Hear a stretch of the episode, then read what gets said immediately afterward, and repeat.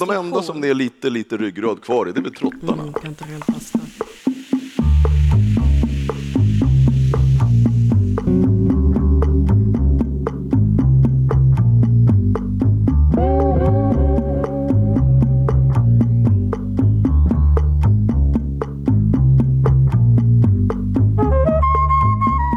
Hej, hej, hallå, hallå och välkomna tillbaka till kommentariatet. Sveriges sista bastion mot regeringen. En podcast som görs i samarbete mellan eh, Arbetet och Nya Mitten. Jag heter Lotta Ilona Häyrynen och med mig har jag Karina Kowisha, ledarskribent på Arbetet. och Johannes Klenell, kulturredaktör på Arbetet.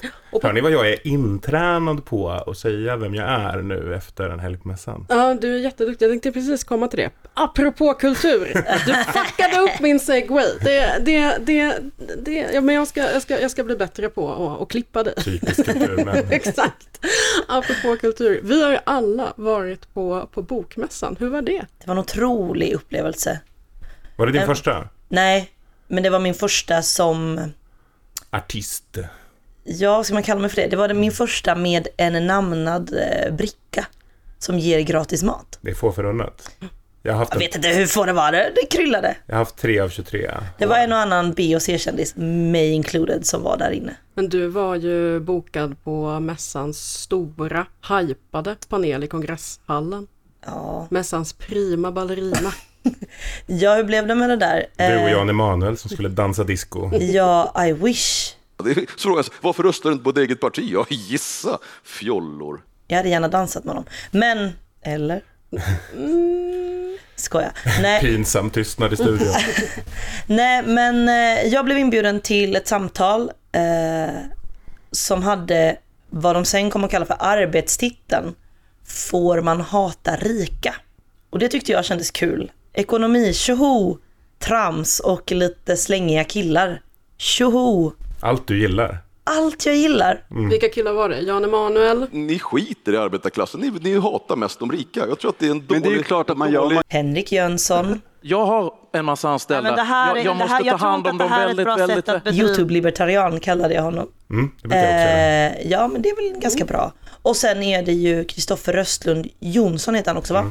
En skitdålig journalist kallade Jan Emanuel honom för. Att, att hata en, så här, säg så här, jag tycker, att, jag tycker att din tidning är skitdålig. Det är en parasit... Eh, lyssna, kan vi inte ta upp våra lyssna, lyssna, lyssna. personliga Det är en parasiterande, en parasiterande bidragstidning. Men jag hatar inte dig. Jag tycker att du är en usel journalist, men dig som person hatar jag inte. Ja, hans blaska då. Bidragsblaskan. Parasit- ja, det var verkligen... eh. Ja, ni hör ju, det var ju eh, ganska körigt där. Jan Emanuel prenumererar inte, antar jag. Det får man väl anta. Via skattesedeln gör han det. Ofrivilligt. Som vi alla. Nej, men eh, vi skulle vara på ett ställe och sen så bytte de sal och det här blev ju så himla upphåsat och det pushades och bla bla bla. Men det visade sig att det var ganska många som inte hittade till den här förbannade kongresshallen heller. Jag och Daniel letade i tio minuter. Ja, och det var väldigt många som då gav upp i sitt letande. Eh, De öppnade också upp det för allmänheten, information som då inte hade nått den här stackars funktionären på bokmässan så att eh, där stod folk och liksom tjafsade sig in när de var en kvart sena till samtalet.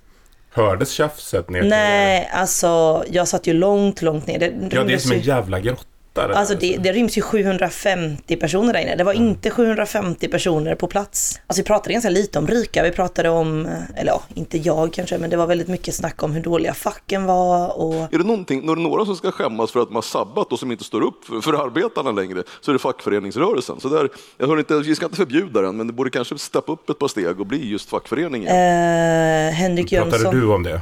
Ja, nej, kanske inte. Jag försökte kanske eh, företräda en annan linje. Ja. Henrik Jönsson citerade Nietzsche. Det tyckte jag var starkt. Och resentiment, vilket jag har sett eh, liksom går mellan högersidorna nu. Det Det är brukar också roligt. också hålla på Ja, med. det är också roligt att en högerman bara så, arbetarklassen och ni som blir behandlade på jobbet, ni är bara bitterfittor. För det är det som är liksom direktöversättningen av att, vara- att, att vara resentful.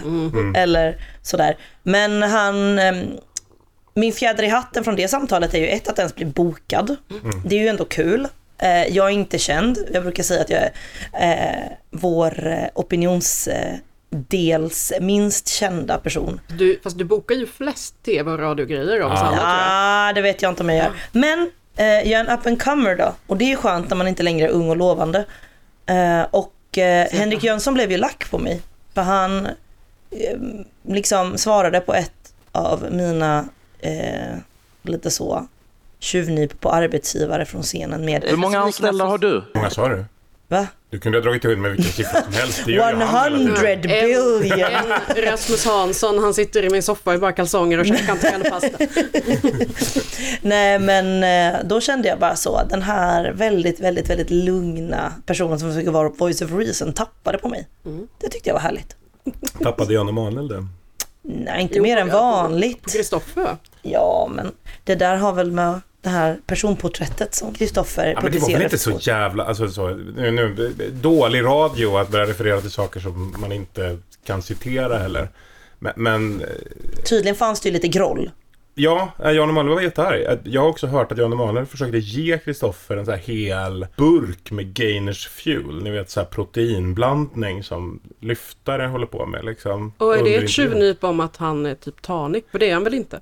Nej, han är inte så tanig. Nej, han är han, han tränar ju inte, han, han lyfter ju inte. Nej, som Jan. Emanuel och jag, som du. alltså riktiga killar. Just det. Det var också roligt i mitt sånt här samtal. Där frågan var när skulle du dö för Sverige? Obs! Ej arbetstitel. Den Nej. tog de hela vägen in i graven.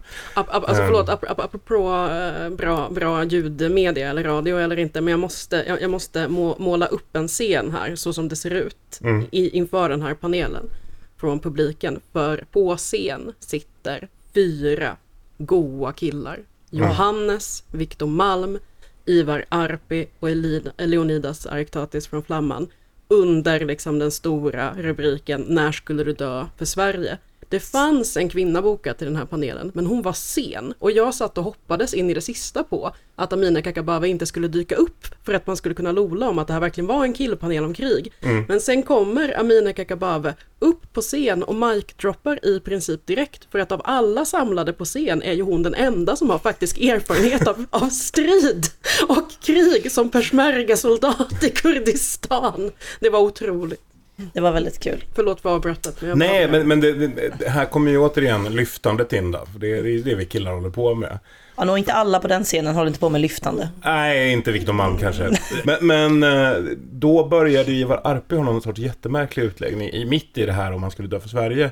Där han började prata om att alla män har den fantasin och det är därför till exempel män tränar för att förbereda sig för om det skulle komma till exempel inbrottstjuvar hem till en eller så. Man, manlighet handlar om en abstract rage to protect. Att du har liksom en tanke om att vid en tänkt situation och därför har du så helt irrationella beteenden eh, där du typ får för dig att du måste eh, bänkpressa tre gånger i veckan. För tänk om det kommer några inbrottstjuvar, de är tre stycken och de kommer in här och då måste jag kunna liksom så här att man har Visa massa mina konstiga... Och jag började gärna tänka så här, jag, jag kunde inte säga det eftersom jag modererade samtalet, men jag bara så här, men vad då menar du att när tjuvarna kommer in i din lägenhet, då ska du liksom stå där och marklyfta? Alltså, det är ju inget, du, du blir inte stridsförberedd av att hålla på med tyngdlyftning. Det är Nej. ju därför kvinnor lyssnar på mordpoddar. Ja. För att liksom kunna fantisera om alla möjliga scenarion som man kan bli våldtagen, kidnappad eller seriemördad på. Mm. För att därmed fundera på vart ska jag kniven? Hur ska jag göra? Hur, ska jag ha med mig en liten hårspraysflaska och en tändare i väskan så att jag liksom har ett litet eldvapen?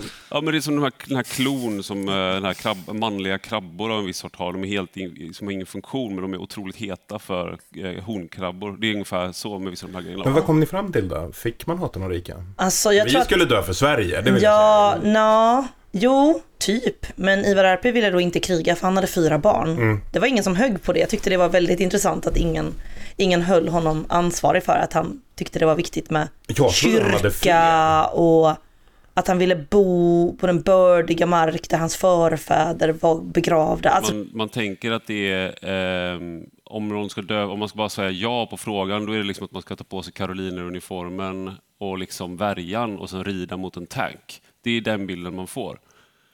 Men om man formulerar frågan, skulle du vilja att eh, dina barnbarn kan prata svenska? Skulle du vilja att de eh, tar del av eh, böcker som var viktiga för dig? Skulle du vilja att de eh, tog, liksom, tog del av, eh, kunde besöka en kyrka eh, i jultider? Det var verkligen, Vadå, Majorna? jag har ingen Han bor ju i aning. Uppsala. Ingen aning. Men eh, man fick hata rika. Mm. Eh, men man fick inte det till slut. För sen när man väl bara sa vad rika gjorde så blev det annat ljud i skällan. Mm. Och då eh, blev det känsligt och kränkt stämning. Man så får man kanske hata- får knyta näven i fickan men inte säga så mycket då. Jag tolkar Tar det jag med som mig. att man, man får inte hata rika, man ska hata systemet. Men så fort du eller Kristoffer försökte lyfta systemkritik så blev det kaos i resten av panelen. Don't hate the player, hate the game. But we don't talk about the game. Typ så. Men Essie Klingberg kämpade på. Herregud vad hon försökte moderera. Valla katter. Mm. Eh, och jag hakade på. Jag tror att det... Men var det så att Kristoffer Östlund bröt mitt i? Det hörde jag något rykte om att han bara la ner. Nej, alltså, han, slutade kanske väl inte... prata så mycket. Vi Han har sa inte så mycket. all respekt för, för att han liksom lutade sig tillbaka och bara det här, låt det här, den här cirkusen får bara pågå nu. Ja, det var så jag gjorde som moderator i mitt samtal Hur är man extrem om ett bråk i tvättstugan? Liksom? Det, jag vet inte, jag menar att den här... Det finns många sätt. Den här... den här flat... Ja, okej, kasta in ett barn i tvättmaskinen, men det gör Där man är inte. man inte Eh, flat, där är det verkligen det är liv och rörelse. Det är krig. Tvättstugan. Ja, jag kanske är mer av en galen kille än vad Kristoffer Östlund Jonsson är. För att jag gick ju ganska mycket igång på det och körde på. Definitivt. Tills de sa att tiden är slut. Ja. Så eh, ja, det kanske är här jag kommer ut som grabb. Ingen som umgås med mig är förvånad. Men nu vet resten av Sverige. Festade ni något då? Nej, Nej. Ja, nej, fan ni två gjorde verkligen inte det. nej det är helt sjukt. Eh, jag gjorde inte det. Det känns väldigt out of character. Det här andra, Daniel var på mer festhumör än det. ja jag vet. Och han, Janne Alltså, all- Svedin. alla tror ju att det beror på att jag har ett barn. Han har ju liksom tre. När Svedin trillar hem till hotellet 03.30 från park, då vet man. Lyssnar hans nu- fru på det här? Jag vet inte. Men, eh, men nu, är- förlåt, men nu vet du. Det blir soffan ikväll Daniel. Nej, jag gick eh, hem i tid varje kväll. Men jag är också så här, alltså här skiljer du och jag framförallt oss åt Lotta. Eh, för att jag har varit du Ja. en gång i tiden. Eh, men jag har gjort mässan så många gånger nu att, att jag har lärt av mina misstag kan man väl säga. Eh, så, att, så att jag går ju faktiskt hem och lägger mig. Jag, är- ja, precis. Och jag har inte hunnit göra alla misstag än. Jag började starkt förra året när jag försov mig till ett seminarium jag var bokad på. Panik. Åh, Nej, men alltså jag har aldrig skämt så mycket i mitt liv och eh, det känns fortfarande än. Men jag tycker att det är väldigt fint att jag liksom får dra runt efter dig som en liten fyraåring som du säger, ja men nu, nu, går, vi- nu går vi till Natur och kultursfest, jag måste bara släppa in dig så lämnar jag av dig där som min plus en och så går jag hem så kan du få vara där. Jo men det, det, är tacksam. lite, det är lite mitt jobb eh, nu. Mentor Ja, skulle vi kunna säga. jag kommer inte kalla dig pappa, där går ju min gräns. Nej men det, det, jag är ju inte den sortens kulturman. Nej. Så att det, det eh, funkar inte riktigt. Tyvärr. En. Än. sägas. Storebror! Men det finns potential att utveckla alla möjliga. Eh, Ja, kulturmans, absolut. Jag känner att jag är på god väg. Fyra dagar i Göteborg. Mm. Alltså jag må ha en ung kille, men snart är man redo för en yngre. Nej. Skoja baby, I love you. Jag har fattat att eh, statsministern hade tal när jag var på bokmässa. Alla de, alla ni ska veta att jag står på er sida. Vi står på samma sida. För vi ska jaga gängen och vi ska Uppfattade ni det?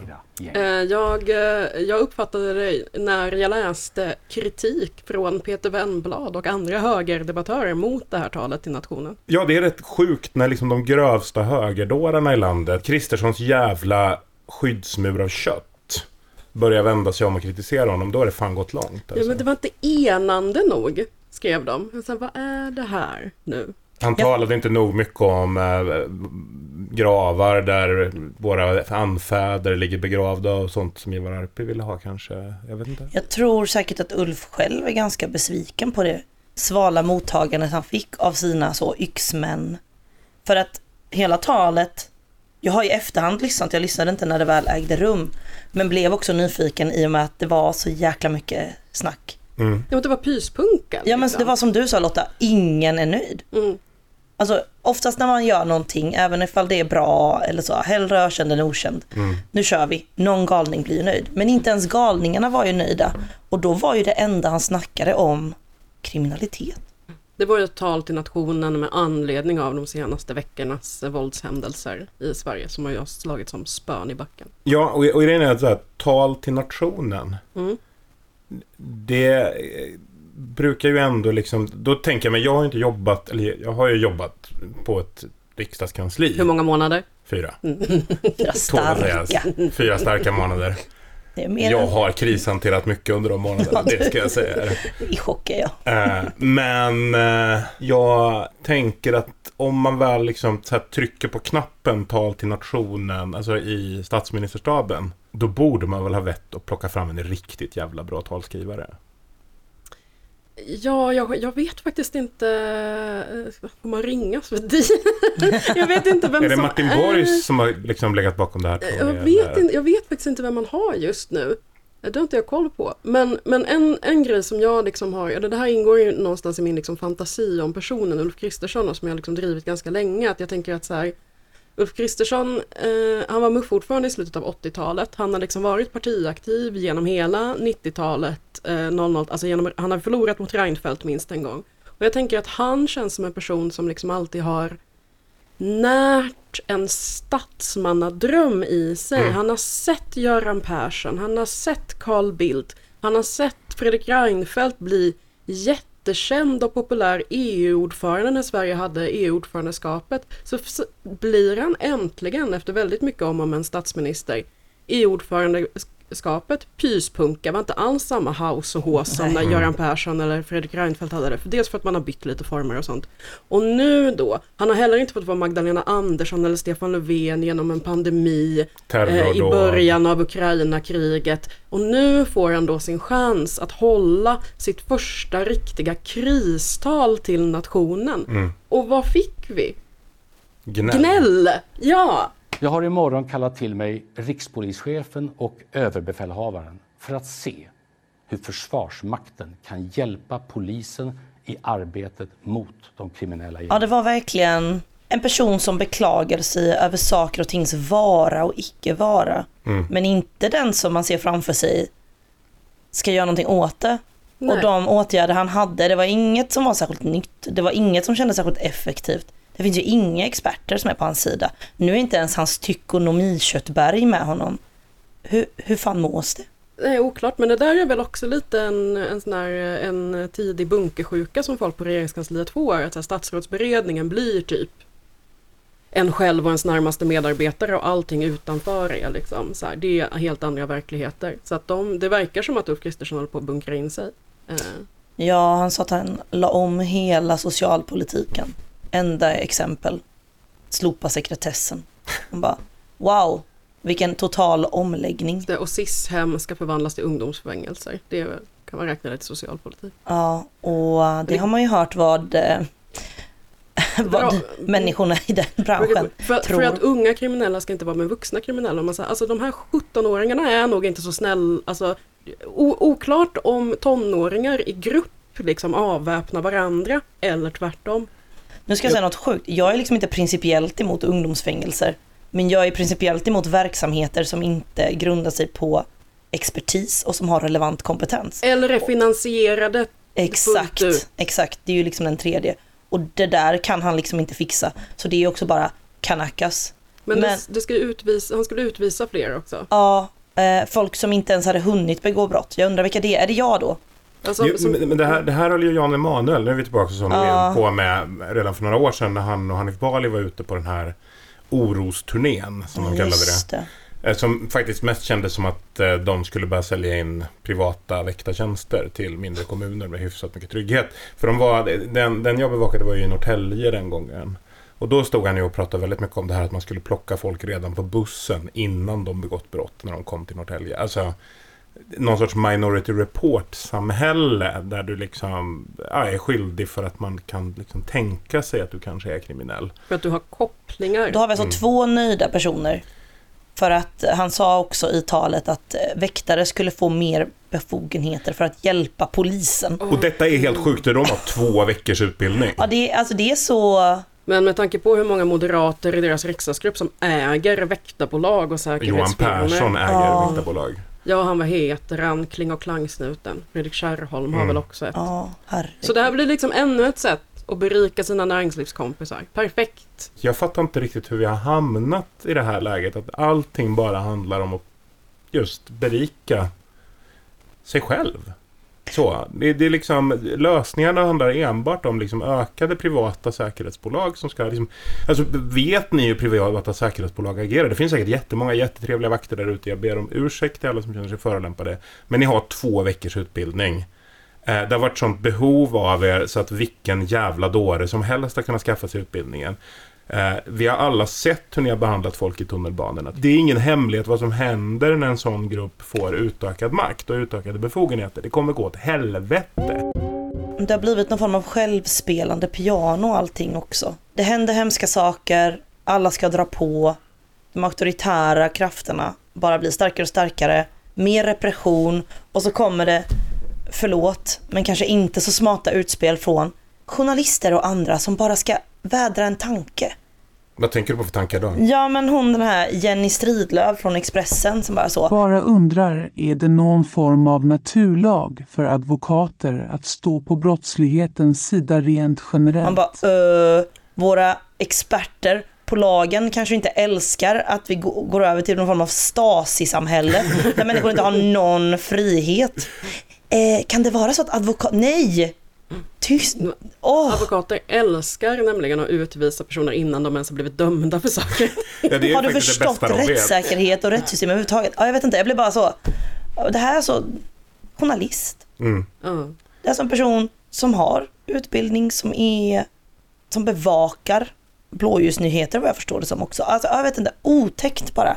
Hur de bara här på- bara föder varandra. Jag tänker bara på Expressens Viktor Bart Kron som häromveckan eh, spårade ur eh, och började försvara Jörgen Huitfeldt som ju var liksom den galenpanne personen som tyckte att det var rimligt att, eh, att, att sitta på pizzerian och vara skiträdd för en grabb som har mjukisbyxor och pratar citat sociolekt.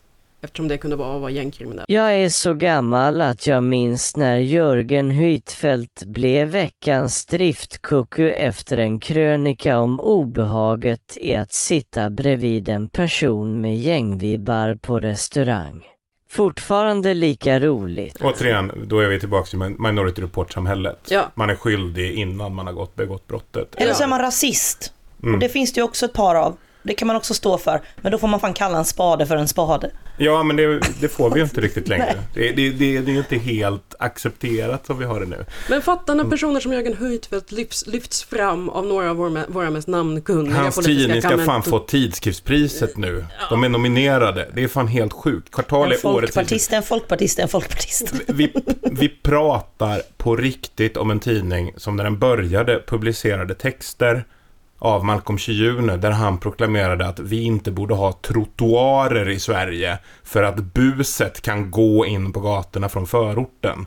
Och i Sydafrika hade man tagit bort trottoarer av den anledningen. Kan jag bara, jag Och som bor, bus. Jag som, jag som bor i Järva, eh, som, som en gång har, som har övervägt att promenera hem en gång, kan meddela att det tar ungefär tre till fyra timmar att gå den sträckan, hur mycket trottoar, alltså det kommer inte gå. Eh, hur lång tid tar det att gå till Nacka? Den stora frågan är väl kanske hur lång tid det, det tar att åka elsparkcykel emellan, det vet jag inte. På elcykel tar det en timme och en kvart att cykla in. Jag gav upp. Nej, men det är så jävla långt. Det är ju det. Och det är poängen också, det är det som är så jävla fruktansvärt. Men, för att komma tillbaka till frågeställningen från början. Nationen, opinionen, inte särskilt enad va? Ulf Kristersson pratade inte om de kommuner som har ansvar för det förebyggande arbetet och hur de inte har råd med det. Pratade inte om skolan. Pratade inte om... Typ ungdomsidrotten och civilsamhället. Ja, de vill han absolut inte prata om. Ex nej om... Förra veckans stora. Bryt, bryt. Det var kanske var lika bra att de blev arga. Det kanske är därför Wemblad är sur. För att det var liksom en manöver ifrån att Bojan var sur Eh, på Instagram. Det fick ju vingar. Det blev ju inga pengar till, till idrottsrörelsen. Ja, nej, men det var det här Kristoffer Karlsson skrev om för mig i förra veckan också. Liksom, att han sa att nej, men jag som kriminolog har ju suttit i åratal och ropat om att vi måste göra långsiktiga förändringar för att förhindra det här våldet som sker. Och ingen har gjort någonting. Och liksom han, hans stora fråga, och, det, och det, det ingår ju det här med Bojan egentligen, liksom, och de här konstiga löftena då om liksom, si och så många miljoner hit och dit. Det här långsiktiga förebyggande arbetet, det sker ju aldrig. Det Nej. kommer aldrig igång. Och det, jag blir ännu argare över det här när jag sitter som en så person på Twitter och får de här knäppa anonyma kontona som skriker Vadå, vi har testat mer fritidsgårdar i 30 år nu och vi har kastat pengar på dem. Man bara, men säg en enda socionom som sitter och jublar och påstår att den badar i pengar. Säg en enda jävla extra fritidsgård som... Alltså fattar ni? Det är liksom... Eller en rektor som tycker att han har nog för elevassistenter. Äh. För särskilt stöd. Det, skärs in, det är det första man skär ner på. Äh. Nu, alltså också. Nej, det- Oaktat vad man har för elevunderlag. Det är det som är så Mm. jäkla sjukt. Ja. Nej men det, det här är så förbannat bisarrt. Att vi har suttit i 30 år och folk har ropat om att det här är på väg att hända. Och nu kallar folk den gruppen för naiva för att man har sagt att man måste göra det här jävla sociala arbetet någon gång också. Ja, exakt. Polisen, kriminologer, socionomer, andra kännare. Hopplöst naiva yrkesgrupper. Men vad beror allt det här på? Hur har det kunnat bli så här illa? Faktum är att vi är många som såg det här komma och varnade för Jag tänker på, inte eh, anknytande till det här, eh, inte ett trollkonto på Twitter, eh, väl ett troll. Eh, Anders Lindberg, nej men på en, en person som svarade, Anders Lindberg. Eh, Anders Lindberg påpekade ju från läktaren eh, att, eh, att hur mycket folken skriker så om hårda tag så verkar det som att den här regeringens eh, väljarstöd sjunker dramatiskt, att det typ är 70% av svenskarna som inte har något förtroende för Ulf- Kristersson i fråga om just, eh, just brottslighet. Eh, då kliver Henrik Sundström, enligt sig själv advokat, kommuna- en advokat som inte är på brottslingarnas sida då, eh, kommunalråd, kommunalråd i Uddevalla, näst mest kryssad i EU-valet 2019, vilket jag tycker är en väldigt rolig flex. Men han gick in och svarade Anders det Anders Lindberg kanske inte förstår är att folk i allmänhet vill se riktigt hårda tag och tycker att regeringen är för mesig. Riktigt, riktigt hårda tag. Den som argumenterar emot dödsstraff och utvisning av brottslingars hela familjer är den udda typen på parmiddagen. Man, man, man vet ju att någon är galen när den upprepar det förstärkande ordet. Alltså sådär, jag är mycket intresserad av sex. Är en lite obehaglig sak att säga. Jag är mycket, mycket intresserad av sex. Då vet man att det är livsfarligt. lås in, lås in. Ja, omedelbart. Ja, 100 procent. Utvis. Jag vet inte, vad gör man? Nej, men det, det är lite som om, om jag skulle sitta här och säga jag är väldigt förtjust i barn. Helt normalt. säga. Jag är väldigt, väldigt Nej. förtjust i barn. Oj, oj, oj, oj, oj, oj. Dumpen nästa. Eh, Nej men det där är så himla läskigt. Alltså någonstans sa jag så här, jag har blivit eh, humbled av det faktum att eh, den här eh, maktbarometern har kommit ut i veckan och att jag kanske inte konsumerar media eller kanske inte rör mig i samma kretsar som alla andra då, eller vad det nu kan vara. Jag eh, har inte jättebra koll på I just want to be cool, men jag har inte heller jättebra koll på de här paren som fantiserar om dödsstraff. Och jag vet inte om det gör mig superofolklig, men jag tycker att det här låter helt galet. Vad undrar- är det jag- för middag? Jag undrar också vem, vem, vem tror ni Sundström liksom äter middag med? Vilka, vad jobbar de med? Vad gör de? Nej, men vad är det för liksom så här, är det, är, är det seriefigurer? Alltså finns de här på riktigt eller är det liksom? Hur, hur kommer man in på ett sånt samtal? Det här var en god lasagne. Ja, vilken härlig Barolo. Ja, den här jäveln skulle man ju sätta i elektriska stolen. Alltså, jag vet inte, jag är bara det är väl, det är väl så här, om, man, om, man, om man går in i en sån fantasi, vilket han, vilket han ju eh, verkar göra med själ och hjärta, då tänker jag att det också är oundvikligt att börja fantisera om just så här formen för avrättningen. Och den jäveln skulle man slå ihjäl. Sitter någon och säger, och det var, vad- kaffe? Arkebusering, tack! Nej, det, det, ja, det är bara så himla grovt. Ska det vara lite avec till hängningen? Och då är vi ju ändå inte de som drar oss för dålig stämning. Vi jobbar ju ändå i branscher där vi aktivt uppmuntrar den. Och ändå kan jag liksom inte känna, känna igen mig i att prata om det här. Nej, eh, alltså, och det är väl för att för de flesta av oss är det inte ens ett så här samtalsämne man lyfter speciellt ofta. Nej, nej, för jag tänker också att så här, nog tusan så pratas det om gängkriminalitet när jag träffar mina vänner också, men då är det ju alltid förebyggande, inte hur ska vi straffa de jävlarna så hårt som möjligt. Men vissa kan man väl känna, jag kan känna ilska inför hur människor beter sig. Och vara så här, du, fan vilka kräk till människor som utnyttjar barn eller vad som helst. Jag kan ju känna det. Men sen att ta det så långt att man bara är så, rättssystem, nej, palla. Men jag kan- Rehabilitering, nej det jag- tror inte jag på. Bara skjut dem. Alltså det, det är långt. Alltså, Ja, nej men det är långt, men det är också så pass långt, alltså det, det, det är långt som i att, men jag kan också känna det, men aldrig så pass långt att jag inte börjar tänka på konsekvenserna. Så att okej, men vad säger typ forskningen? Om man inför dödsstraff så är det mycket mer sannolikt att våldet eskalerar bortom de här grupperna för att du måste ha ihjäl alla vittnen varenda gång du gör någonting. Det gör mig rädd. Det gör mig, Typiskt det av gör mig ännu mer- PK-vänstern och Ja. löpa linan ut Ja, i resonemang. exakt, Så exakt. jävla tråkigt på middagar. Jag brukar tycka om att se vart min affektion leder mig och när jag ser slutmålet då tänker jag okej, men jag ska andas i tio minuter och komma på något annat.